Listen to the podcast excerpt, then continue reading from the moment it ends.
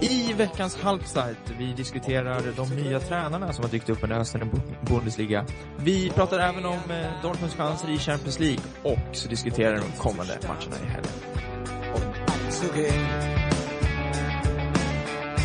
An Tagen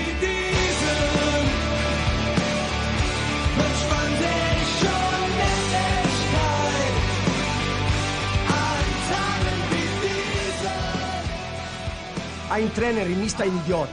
Ein Trainer sei, sehe, was passiert im Platz. Es gibt Spieler wie zwei oder drei, diese Spieler waren schwach wie eine Flasche leer. Ja, då kör vi igång veckans halvsajt som är tillbaka efter ett litet uppehåll. Jag är tillbaka, Adam, och eh, Andreas här också. Jajamän. Då eh, ska vi köra igång, snacka lite vad som hände förra helgen. Vi tänker att vi eh, hoppar över det här landslagsuppehållet och det, det, det var så länge sedan så att folk har redan hunnit glömma deras tankar, men eh, den föregående omgången i Bundesliga finns nog färskt i många minnen som att eh, det var ett riktigt toppmöte på Westfalenstadion. Andreas, du som Borussia Dortmund-supporter, vad, vad har de att säga om förlusten för Dortmund med 3-0 hemma mot Bayern München? Nej, resultatet talar man inte jättemycket för själva matchbilden. Det var ju två eh, snabba mål på slutet eh, som gjorde att det slutade som det gjorde. Men ehm, tycker Borussia Dortmund gjorde en riktigt eh, bra insats med tanke på eh, att man hade alla sina fyra ordinarie backar borta eh, och Manuel Friedrich som har kommit in här nu sedan både Subotic och Hummels är borta och gjorde en stark insats bredvid bredvid Sokratis Ja, man, då kan man ju verkligen undra om det, alltså hur bra är inte Klopp som tränare att kunna integrera en spelare som knappt har tränat ordentligt med ett lag eller spelat en match på över ett halvår mm. och så få igång honom på en vecka att spela en toppmatch och i, i princip är felfri fram till minut 85. Ja, ja när han gjorde det bra, det var ju alltså rent försvarsmässigt gjorde ju Friedrich det riktigt bra men hans eh, passningar emellanåt var ju korpenklass alltså. Men eh, jag tycker liksom det är ju en nödlösning och det var långt ifrån den som avgjorde den här matchen ehm, det var ju, sen så är det väl lite, man undrar ju vem som sitter och skriver de här manusen men att Mario Götze byts in till de här enorma busvisslingarna och sen också äh, avgör matchen liksom med ett riktigt vackert äh, mål får man säga. Uh, hur känner du kring hans firande, att han avstod? Äh, det var väl ganska väntat kan jag tycka och det är ju så man förväntade sig att det skulle vara också. Um, jag tror ju dock inte, eller det var ju inte så att eh, fansen eh, direkt brydde sig om det utan det var ju ett enormt missnöje mot honom och uh, blev kallad för Judas x antal gånger under den här matchen. Alltså jag kan väl tycka att det är lite fånigt att han ska liksom grina ut i media om att det är en svår match och sådär och tycka att det är så jobbigt på något sätt. För att trots allt så var det han som gjorde det aktiva valet att lämna. Om det nu är så jobbigt, varför stannar han inte? Nej, det blir ju lite uh, dubbelmoral eller vad man ska säga liksom i det. Uh, nej, men jag, det var matchen i sig liksom, Bayern München var såklart uh, förtjänt av den segern. Uh, och det tråkiga är väl att man eh, i praktiken förmodligen redan avgjort eh, guldstriden där. För jag tror inte att Dortmund kan hämta in sju poäng på Bayern München här eh, under resterande del av säsongen. Än mindre om det är så att man är kvar i Champions League i vår. Eh, så att eh,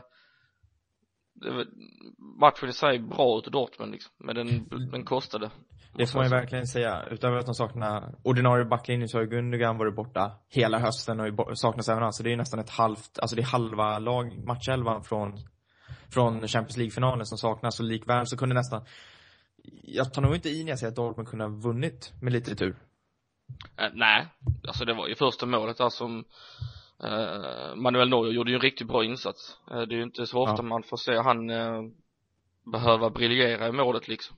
Eh, men var ju riktigt, riktigt bra eh, och nej det är väl klart hade Dortmund gjort det första målet istället så hade det väl kunnat se helt annorlunda ut men man rasar ju ihop sen och sista, sista kvart man orkar inte riktigt det är väl rätt naturligt när man då har Friedrich i ja. backlinjen att det skulle tryta liksom. Det, det, man kan säga är väl att uh, hade, hade Dortmund, för de har ju chanser. Royce har ju uh, x antal chanser som är bra. Neuer gör någon fantastisk räddning. Mkhitaryan uh, har ju ett kanonläge. Det han tar alldeles för lång tid på sig. Det, det, känns som att det är rena tillfälligheter och att 3-0 kanske faktiskt, alltså det är i överkant. Det hade gott väl kunnat sluta 1-0 till Bayern München. Ja, precis. Nej, men de här två sista målen liksom, de lägger inte så stor vikt vid liksom. Dortmund var tvungna att gå framåt och Eh, Robben eh, slår ju ofta till mot Dortmund, då fick han göra sitt mål också. Sen att Müller gör 3-0 då, ja, eh, ja. Det, det, är mer, eh, det ser värre ut än vad det egentligen var, skulle jag vilja påstå. Det betyder ju någonstans ändå på en stryk och start men numera att man kan göra en så pass bra insats trots att man saknar fem absoluta nyckelspelare. Men kul att eh, Piszek kommer tillbaka, hoppar in och efter, jag vet inte hur många månader det är. Han har ju missat hela hösten på grund av, på grund av operation då. Mm, men, han, är, han, blev, han blev ju tvungen att göra två operationer till och med. Um, men, um, nej han hoppade in med, både i helgen och även i, i eh, då i, igår onsdag, äh, tisdags mot, äh, mot äh, Napoli. Uh, och det tar väl ett tag innan han kommer upp i ordentlig matchform men Eh, Kevin Grosskreutz eh, har ju, har ju varit väldigt bra som högerback o, något oväntat men eh, han kommer ju få flytta på sig så fort Piszek är i tillräckligt bra matchform även om det kanske blir först efter uppehållet Ja, exakt. Spännande att se hur Dortmund kommer att se ut efter uppehållet. Det är bara att hoppas att de fortfarande håller sig kvar i Champions League och har kanske viss chans på ligan för att det ska nog mycket till för att inte laget lyfter sig med tanke på hur många spelare som väntas vara tillbaka då. Men den stora snackisen efter matchen har inte varit resultatet eller egentligen spelet utan den här så kallade läckan som har funnits hos Bayern München där någon har läckt information till tidningen Bild om Guardiolas taktiska eh, ja, vad ska man säga, om hans taktik inför matchen mot Dortmund helt enkelt. Det har varit saker som bara människor i närheten av laget har kunnat känna till och eh, nu har Guardiola sagt att huvuden kommer att eh, rulla och man hoppas att det här ska lösas fram till eh, januari transferfönstret så, så att det ska vara klart när vårsäsongen drar igång. Hur, hur ser du på det här, på den här historien, Andreas? Ja, det är väl eh, att Bayern München eh, läcker eh, information till Bildt liksom. Det har ju hänt eh, förut, eh, det hävdar ju i alla fall eh, vi i Dortmund eller de, de som har anknutit till Dortmund efter Mario Götz eh, Mario Götz incidenten i våras. Men eh, nej det är klart jag förstår att Pep Guardiola blir förbannad. Eh, för då, även om det kanske inte är eh, matchavgörande jag tror inte att Dortmund liksom så här eh, på något sätt går igenom tidningen liksom och försöker anpassa sig till den men det på något sätt så handlar det ju om att Pep Guardiola måste kunna ha förtroende för sina spelare eller ledare eller vem det nu är som har läckt ut detta. Um, sen så kan man väl som jag förstod det så kommer de väl inte göra någon ha någon häxjakt på vem det nu var som läckte men det är ju ganska tuffa ord som Guardiola slänger ut sig när det här blev officiellt och Eh, det kanske är bättre att vi i första hand tar ett snack inom gruppen innan man börjar gå ut i media ännu mer och säga att eh, man ska liksom får man fram vem spelaren är så sparkar man ut den liksom, eller ledaren eller vaktmästaren eller vem det nu kan vara Ja, det blir spännande fortsättning att följa för att eh, det är just nu Bilds stora snackis också. De tycker att det är kul att det här har Kom upp till ytan. All PR är bra PR i deras ögon. Uh, utöver det i helgen så har ju också en uh, svensk bekanting, Oskar Wendt, gjort mål i uh, Borussia, för, för sitt Borussia Mönchengladbach borta mot Stuttgart. Uh, Mönchengladbach vann med 2-0 och Wendt blev uttagen i veckans lag i kicker. Uh, Mönchengladbach uppe på fjärde plats nu, uh, tre poäng framför Wolfsburg på femte och bara tre poäng bakom Dortmund. Och vi har ju pratat om Mönchengladbach som ett lag som som kommer att kampera om den sista Champions League-platsen. Hur troligt är det att de håller sig kvar uppe i toppen på en fjärde plats? Eh, hur, hur tycker du att laget ser ut? Uh, väldigt bra. Uh, jag tror definitivt att Mönchengladbach är där uppe för att stanna har ju en väldigt stark offensiv de har väl, eh, tror de ligger uppe på samma antal mål som som Bayern München och alltså riktigt starkt framåt sen eh, på tal om Oscar Wendt liksom så har han ju visat en otrolig form här under hösten och målet i i fredags var ju hans tredje och dessutom riktigt vackert eh, jag tror jag alltså det är inte omöjligt att Dortmund och Leverkusen får ta med sig Mönchengladbach i den här fighten om Champions League-platserna, direktplatserna så att säga. Mm. Ser riktigt bra ut.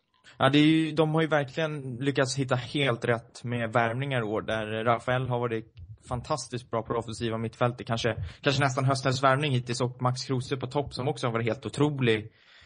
De har ju verkligen kommit tillbaka till den form vi såg för två år sedan innan de blev sönderköpta. Mm. Det... Nej, tycker de, eh, känns som att alla, alla spelare i eh, i det offensiva skiktet liksom Borussia Mönchengladbach eh, levererar eh, mest hela tiden.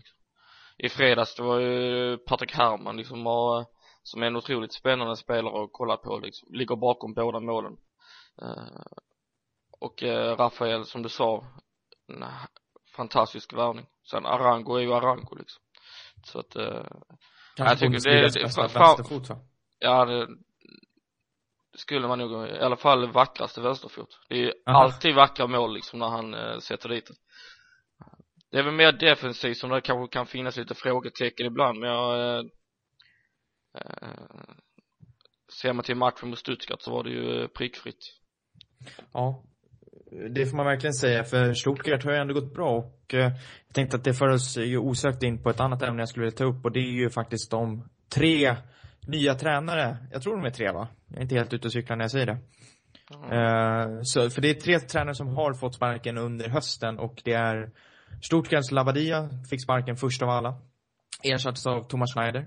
Uh, I Hamburg så sparkades Torsten Fink och blev ersatt av Bert van Marwijk och i Nürnberg så fick uh, Mikael Wiesinger sparken och in kom nu, Verbeek, Gertjan. Ja.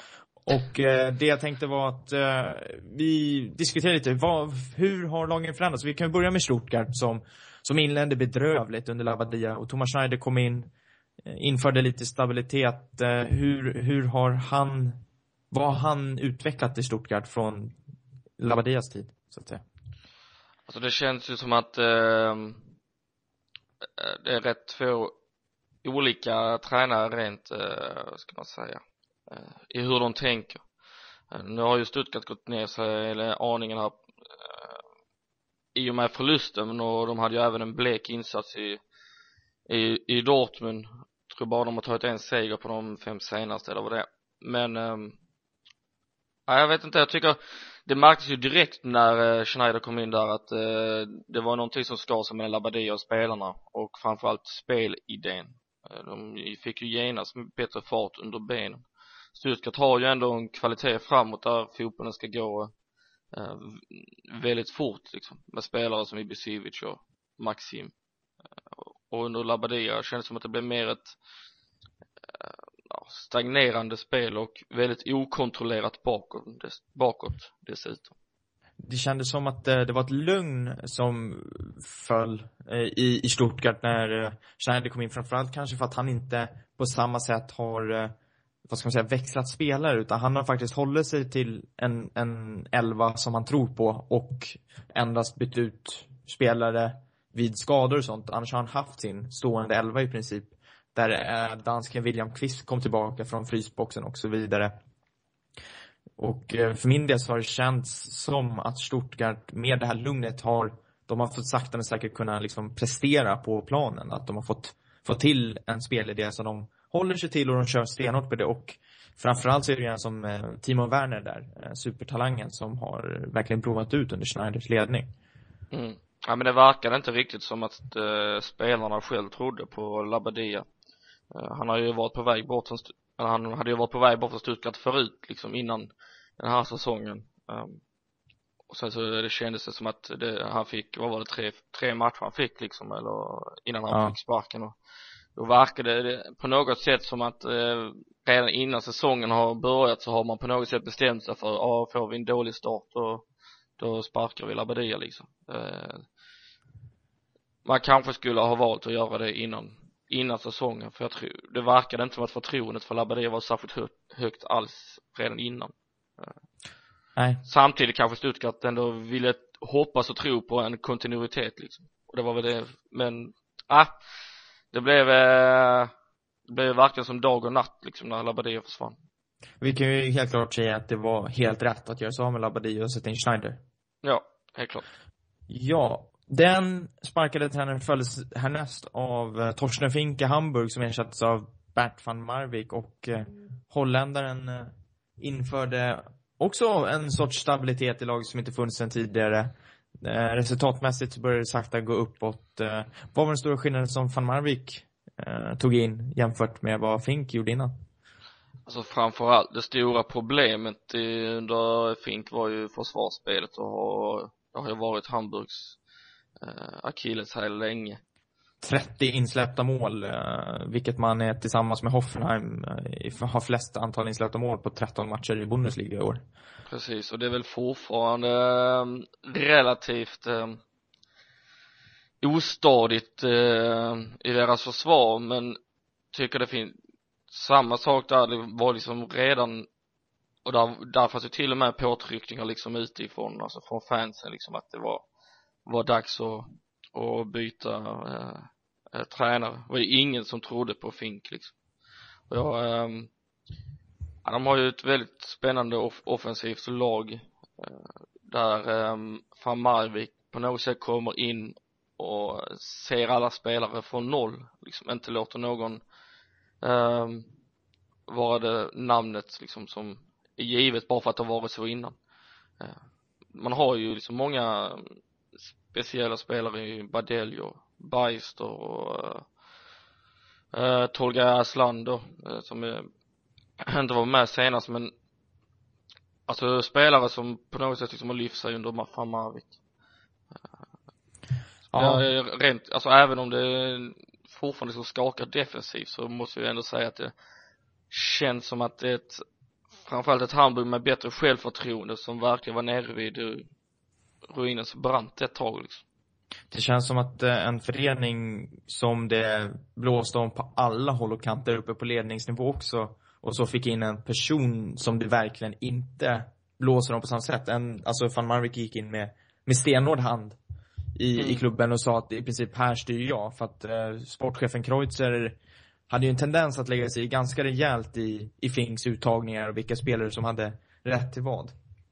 Mm, och med van Marwijk så var det helt enkelt så att, nej men nu bestämmer han. Det är, det är ingen snack. Det kändes som att hans integritet och dignitet inte ifrågasattes på samma sätt. Mm.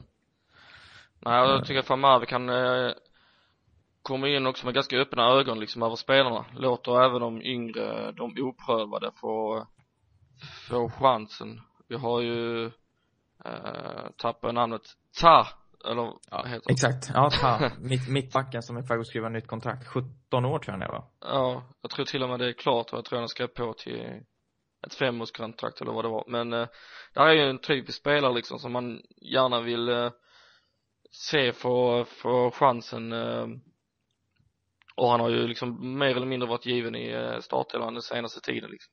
Eh, sen, sen några omgångar tillbaka och levererar därefter också så att eh, det är väl öppna ögon som man skulle vilja säga att Marwijk kommit in med och framförallt en ett stabilare tänk än vad Torsten Fink hade.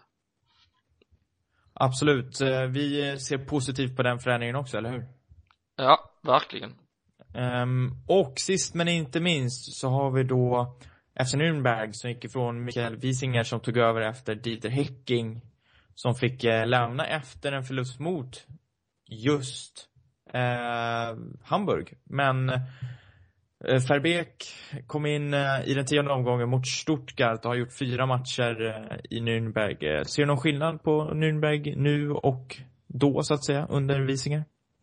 Nej, faktiskt inte uh, alls. Nej. Nej. jag vet inte, jag har lite svårt att placera den här Verbeek. Jag har väldigt dålig kunskap om honom som tränare sen innan. Um, Nu eh, kryssade man ju hemma mot Wolfsburg senast. Eh, men, eh, Otroligt nog får vi ju säga. Ja, med en Daniel Ginczek som hoppade in och satte dit eh, eh, målet då. Men jag, eh, jag vet inte, jag har väldigt svårt att se liksom några direkta förändringar som som Farbek har gjort. Men det kommer kanske, han kanske behöver det här uppehållet innan det verkligen sätter sig. Men eh, jag har ju svårt att se att Nürnberg eh, inte liksom eh, ska vara med där nere i botten där man är nu när vi eh, sammanfattar den här säsongen. Ja, kvalitetsmässigt så ser det faktiskt inte ut att räcka till och det är kanske därför inte heller har blivit några egentligen stora förändringar.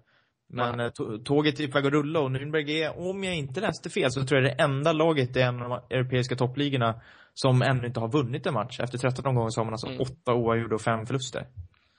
Nej, precis och det är ju talande om något att man liksom inte um, kommer vara med uppåt liksom. Vinner man inga matcher så får man ju ha harva där nere i, i botten.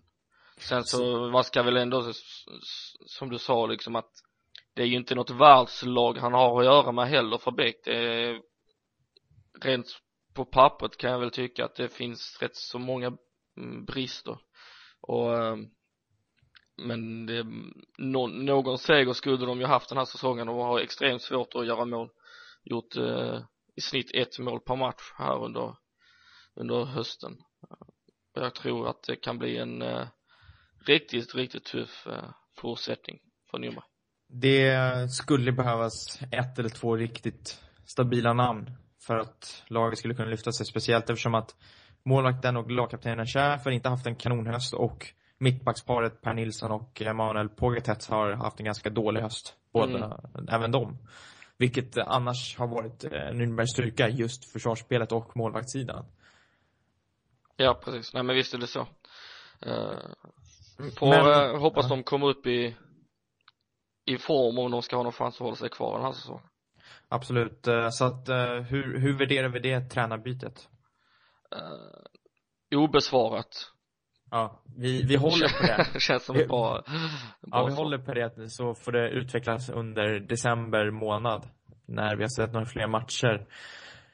Vidare så har det ju spelats lite Champions League-fotboll och man kan säga att det var högst, högst intressant igår på Westfalenstadion när Dortmund tog emot Napoli. En match som var helt avgörande för Dortmunds fortsatta chanser till, till slutspel i Champions League. Och de tog den rejält dessutom ska sägas, eller hur? Ja, verkligen. Gjorde en eh, fantastisk insats kunde ju inte ha med ehm, Friedrich i den här matchen då på grund av att han har kommit in senare och eh, valde då att um, spela med Bender och Kehl uh, båda de växlar lite från mitt, mittback upp till defensiv mittfältare men Bender var väl den som stod det, tog det stora initiativet där och än en gång bröt han näsan eller han i alla fall knickte den eller touchade den så att den började blöda vilken måste... gång i ordningen var det? Nej, jag vet inte, men han måste vara den, uh, den spelare i fotbollsvärlden som har trasigast näsa av alla. Det slutar Aha. liksom aldrig blöda.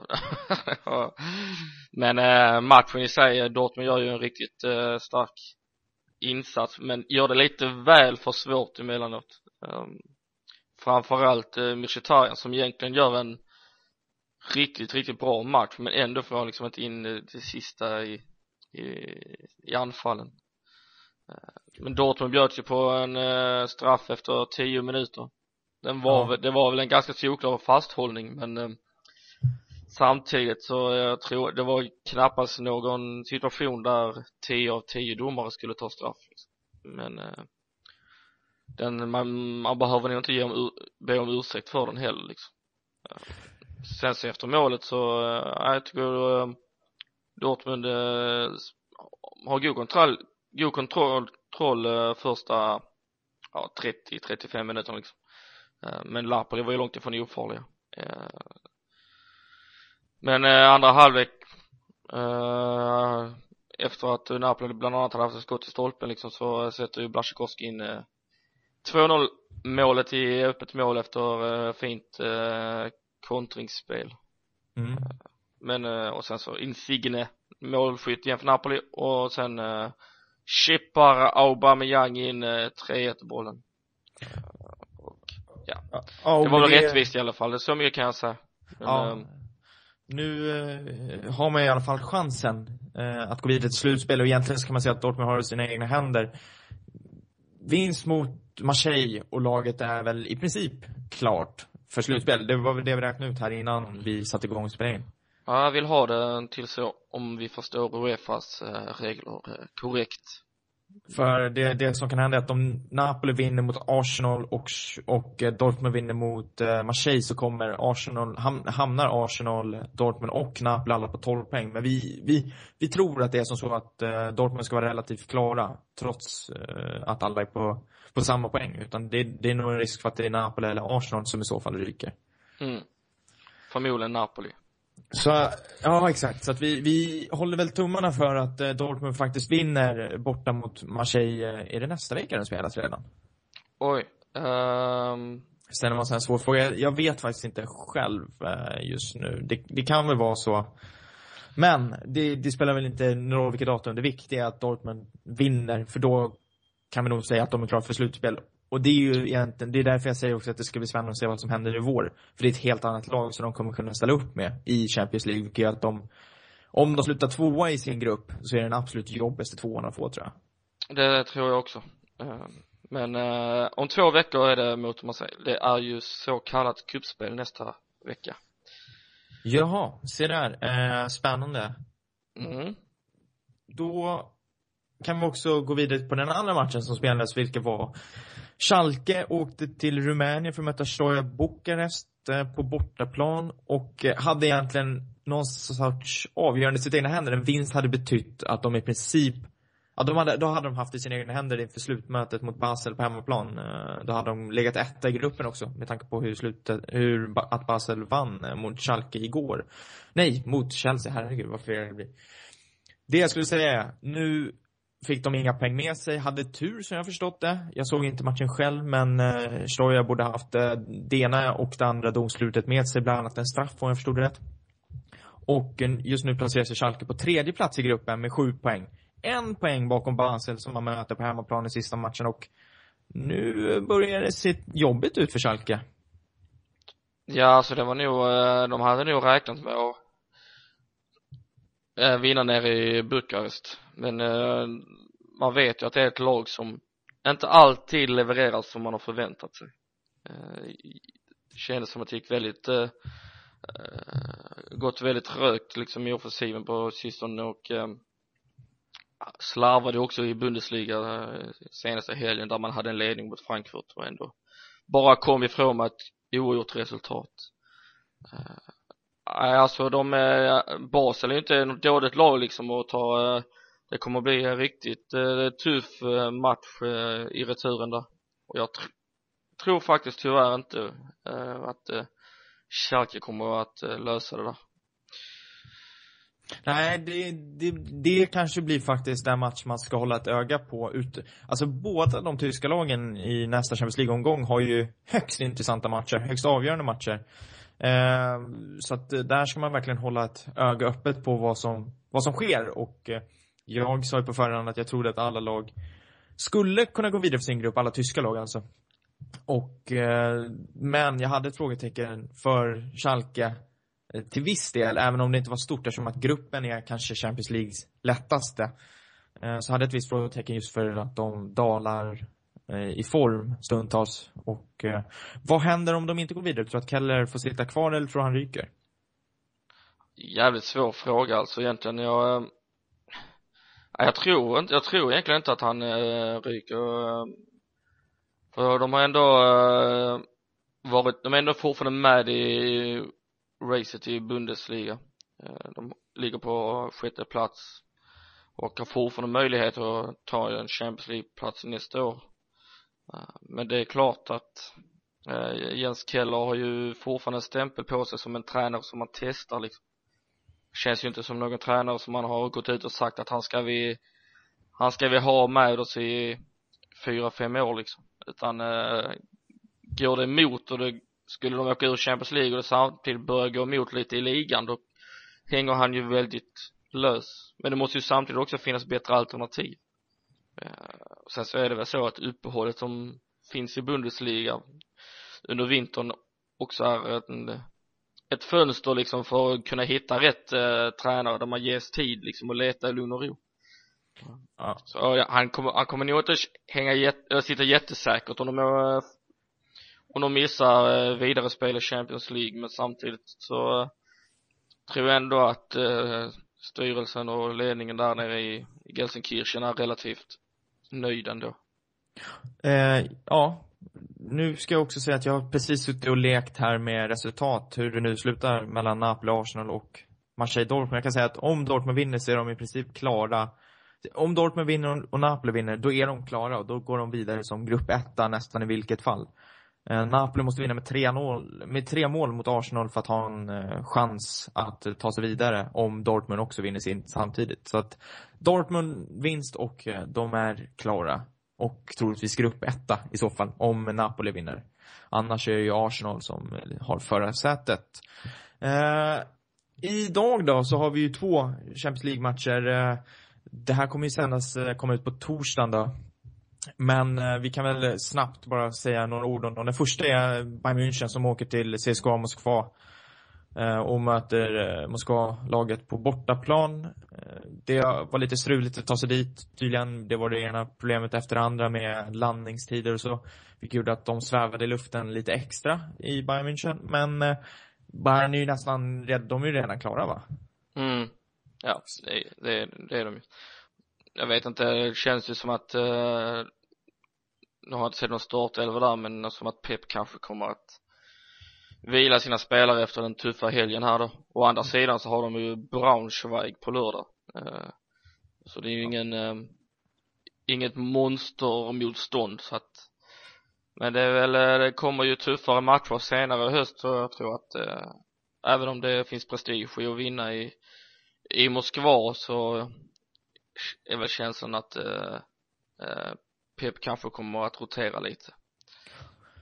Ja, och den andra matchen som är lite intressantare är ju Bayer Leverkusen som möter Manchester United på hemmaplan och där har vi en grupp som fortfarande är öppen. Nu eh, saknas ju Sidney Sam i Bayer Leverkusen tyvärr, men United saknar Vidic och sen så var det en till spelare, jag kommer inte ihåg exakt vem det var, men uh, hur värderar du Leverkusens chanser mot United? Eh, alltså de är definitivt inte obefintliga. Vi vet ju att United har haft en något svajig höst och jag såg ju eh, Leverkusens match eh, mot United i, i början på hösten här och förlorade man visserligen med, med 4-2 men gjorde en helt okej okay insats. Då har man hemmaplan och Leverkusen är ett bra hemmalag och eh, ja, eh, lite skrällchans där ikväll, kanske inte seger men ett oavgjort resultat tror jag definitivt att Leverkusen kan få med sig. Och i så fall så har ju Leverkusen eh, det mesta i sina egna händer inför det avgörande mötet mot Real Sociedad. Ett lag som verkligen har underpresterat i, i Champions League med tanke på hur, hur många det var som höjde Real Sociedad som ett av de absolut jobbigaste lagen att få ur den fjärde eh, potten. Men eh, vi hoppar vidare från Champions League till den kommande omgången och eh, du tog upp en match direkt där. Det var Bayern München mot eh, Eintracht Braunschweig och Braunschweig ligger ju eh, sist men har eh, verkligen börjat kämpa sig uppåt men de ska ändå inte ha någonting att sätta emot Bayern München, eller hur? Nej, nej, nej, nej. Det kommer ju, eh, men jag tror liksom det handlar bara om hur stor måldifferens det ska bli liksom. Det är ju enormt stor skillnad på dessa två lagen. Och det är bara frågan hur mycket motivation Bayern München har. Men eh, det är ju Bayern, Bayern är ju dessutom hemma så att eh, det kan bli en show. Ja, vi kan väl säga att helgens omgång är sådär på förhand så finns det ingen sådär match, vad jag kan tycka i alla fall, som verkligen står ut i mängden. Möjligen att fredagsmatchen mellan Wolfsburg och Hamburg eh, Eh, kan bli ytterst intressant eftersom att Wolfsburg är ett lag som verkligen är på uppgång, ligger nu på femte plats och vi förutspådde ju att de skulle vara med och slåss om Europa League-platserna. Vad, vad är den stora förändringen som har skett nu under hösten från Wolfsburgs ganska dassiga start till att de nu har varit fem raka utan förlust, fyra vinster och en oavgjord? Ja, nej de har ju gått eh, väldigt bra. Eh, jag tycker ändå liksom att Häcking har haft, eh, det har nog rätt syns rätt tydligt i deras spel liksom att de eh, har potentialen att, och vara ett topplag. De gjorde väl en sådär start på säsongen men var ju inte helt under isen. Uh, slog uh, Dortmund och uh, sen föll tillbaka och kryssade mot Nürnberg senast. Men jag, um, ja, det finns ju väldigt mycket kvalitet i det här laget och i en väldigt bred, bred trupp. Däremot har ju exempelvis Luis Gustavo inte blivit den, den spelare man kanske trodde skulle lyfta hela laget liksom. Men även om han såklart fyller en viktig en viktig roll. Mest anmärkningsvärt tycker jag liksom en spelare som Ivic är som fortfarande av någon outgrundlig anledning håller på den här nivån. Det, det målet Olic gjorde mot Dortmund är kanske Bundesligas vackraste den här säsongen. Det kan man ju lugnt eh, påstå. Jag hade ju glädjen av att se det live och kunde knappt tro mina ögon faktiskt. Nej, varför passa på? Verkligen. Är det någon match du skulle höja eh, flaggorna för den här helgen?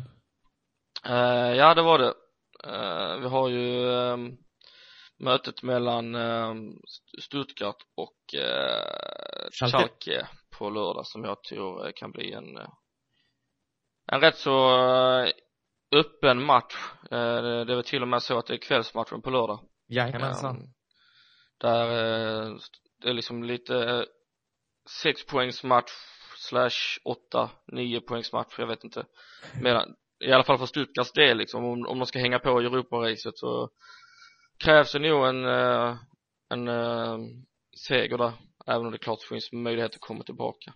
Men eh, både Stuttgart och Schalke är ju två lag som är kända för att ha en härlig offensiv liksom och det kan bli ett högt tempo så jag tror att den kan kanske inte så jävla bra men i alla fall underhållande Uh, om vi ska bara prata lite snabbt om tabelläget, för det är någonting jag har funderat på som har följt Bundesliga på så är det kanske i år första gången på länge som jag tycker att det finns väldigt, väldigt tydliga skillnader på, det absoluta toppskiktet brukar alltid vara Bayern München uh, och ett, eller två andra lag. Uh, och i år är det Leverkusen och Dortmund, om man nu kan räkna Dortmund som är sju poäng bakom Bayern München till det absoluta mm. toppskiktet. Men sen så har vi ett väldigt tydligt skikt vid Europa League-platserna för, och sen följt av sjunde till kanske trettonde plats istället för, för det klassiska i Tyskland är att du kan nästan gå från plats fem till plats femton och det skiljer tre, fyra poäng. Men nu skiljer det hela elva.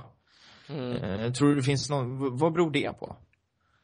Nej, alltså förra säsongen så tyckte man ju ändå att eh, då fanns det rätt många uppstickare i, i lag som eh, Frankfurt och Freiburg framförallt kanske. Eh, i år finns det väl också ett par uppstickare, kanske Mainz och Hertha Berlin, men de når ju ändå inte riktigt upp i i alla fall på pappret samma klass som eh, Mönchengladbach och Wolfsburg och Schalke. Jag eh, tror ju dock att det kan bli ett ganska så tätt skikt mellan alltså att även Leverkusen och Dortmund kommer att bli indragna i någon kamp med de med två, tre andra lag i där i toppen. Och att Bayern München drar ifrån. Eh, ja.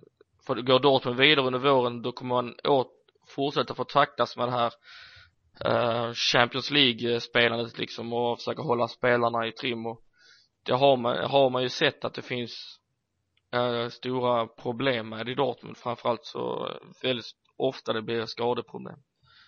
Uh, men uh, däremot finns det ett ganska tydligt bottenskikt tycker jag. Och där, ja, kanske från plats, eh, ja, 11-12 och neråt liksom att det är, att det kommer stanna där. Möjligtvis att Hamburg eh, klättrar ytterligare. Och Hertha Berlin tror jag tyvärr kommer rasa faktiskt. Inte så långt ner så att de riskerar att åka ut här deras första säsong men min känsla är väl inte att de eh, slutar åtta den här säsongen. Ja, nej, det, blir spännande att se men eh, jag, ja, man hoppas ju på att det ska bli lite jämnare i striden bakom ja, första platsen då, eh, kan jag tycka. Så att man, så att det inte riktigt eh, blir så utkristalliserat som, som det har sett ut.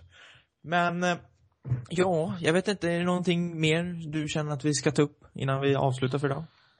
Nej, vi kan väl säga så att vi äntligen finns på iTunes. Det är väl eh, värt att flika in. Absolut, det är bara att söka på Halvside där så, så hittar ni oss och eh, så kan man prenumerera på den tjänsten.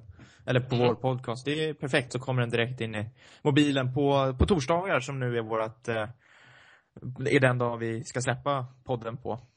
Eh, finns som tidigare på Svenska fans också. Absolut. Eh, då får vi tacka för oss. Eh, först och främst eh, Andreas, om man vill komma i kontakt med dig, var hittar man dig på Twitter? På Twitter finns jag på snabela Andy Holm. Och eh, jag finns på snabel AT Nilsson. Eh, Vi eh, säger tack för den här veckan och tack för att ni har lyssnat. Hej! Ha det gott!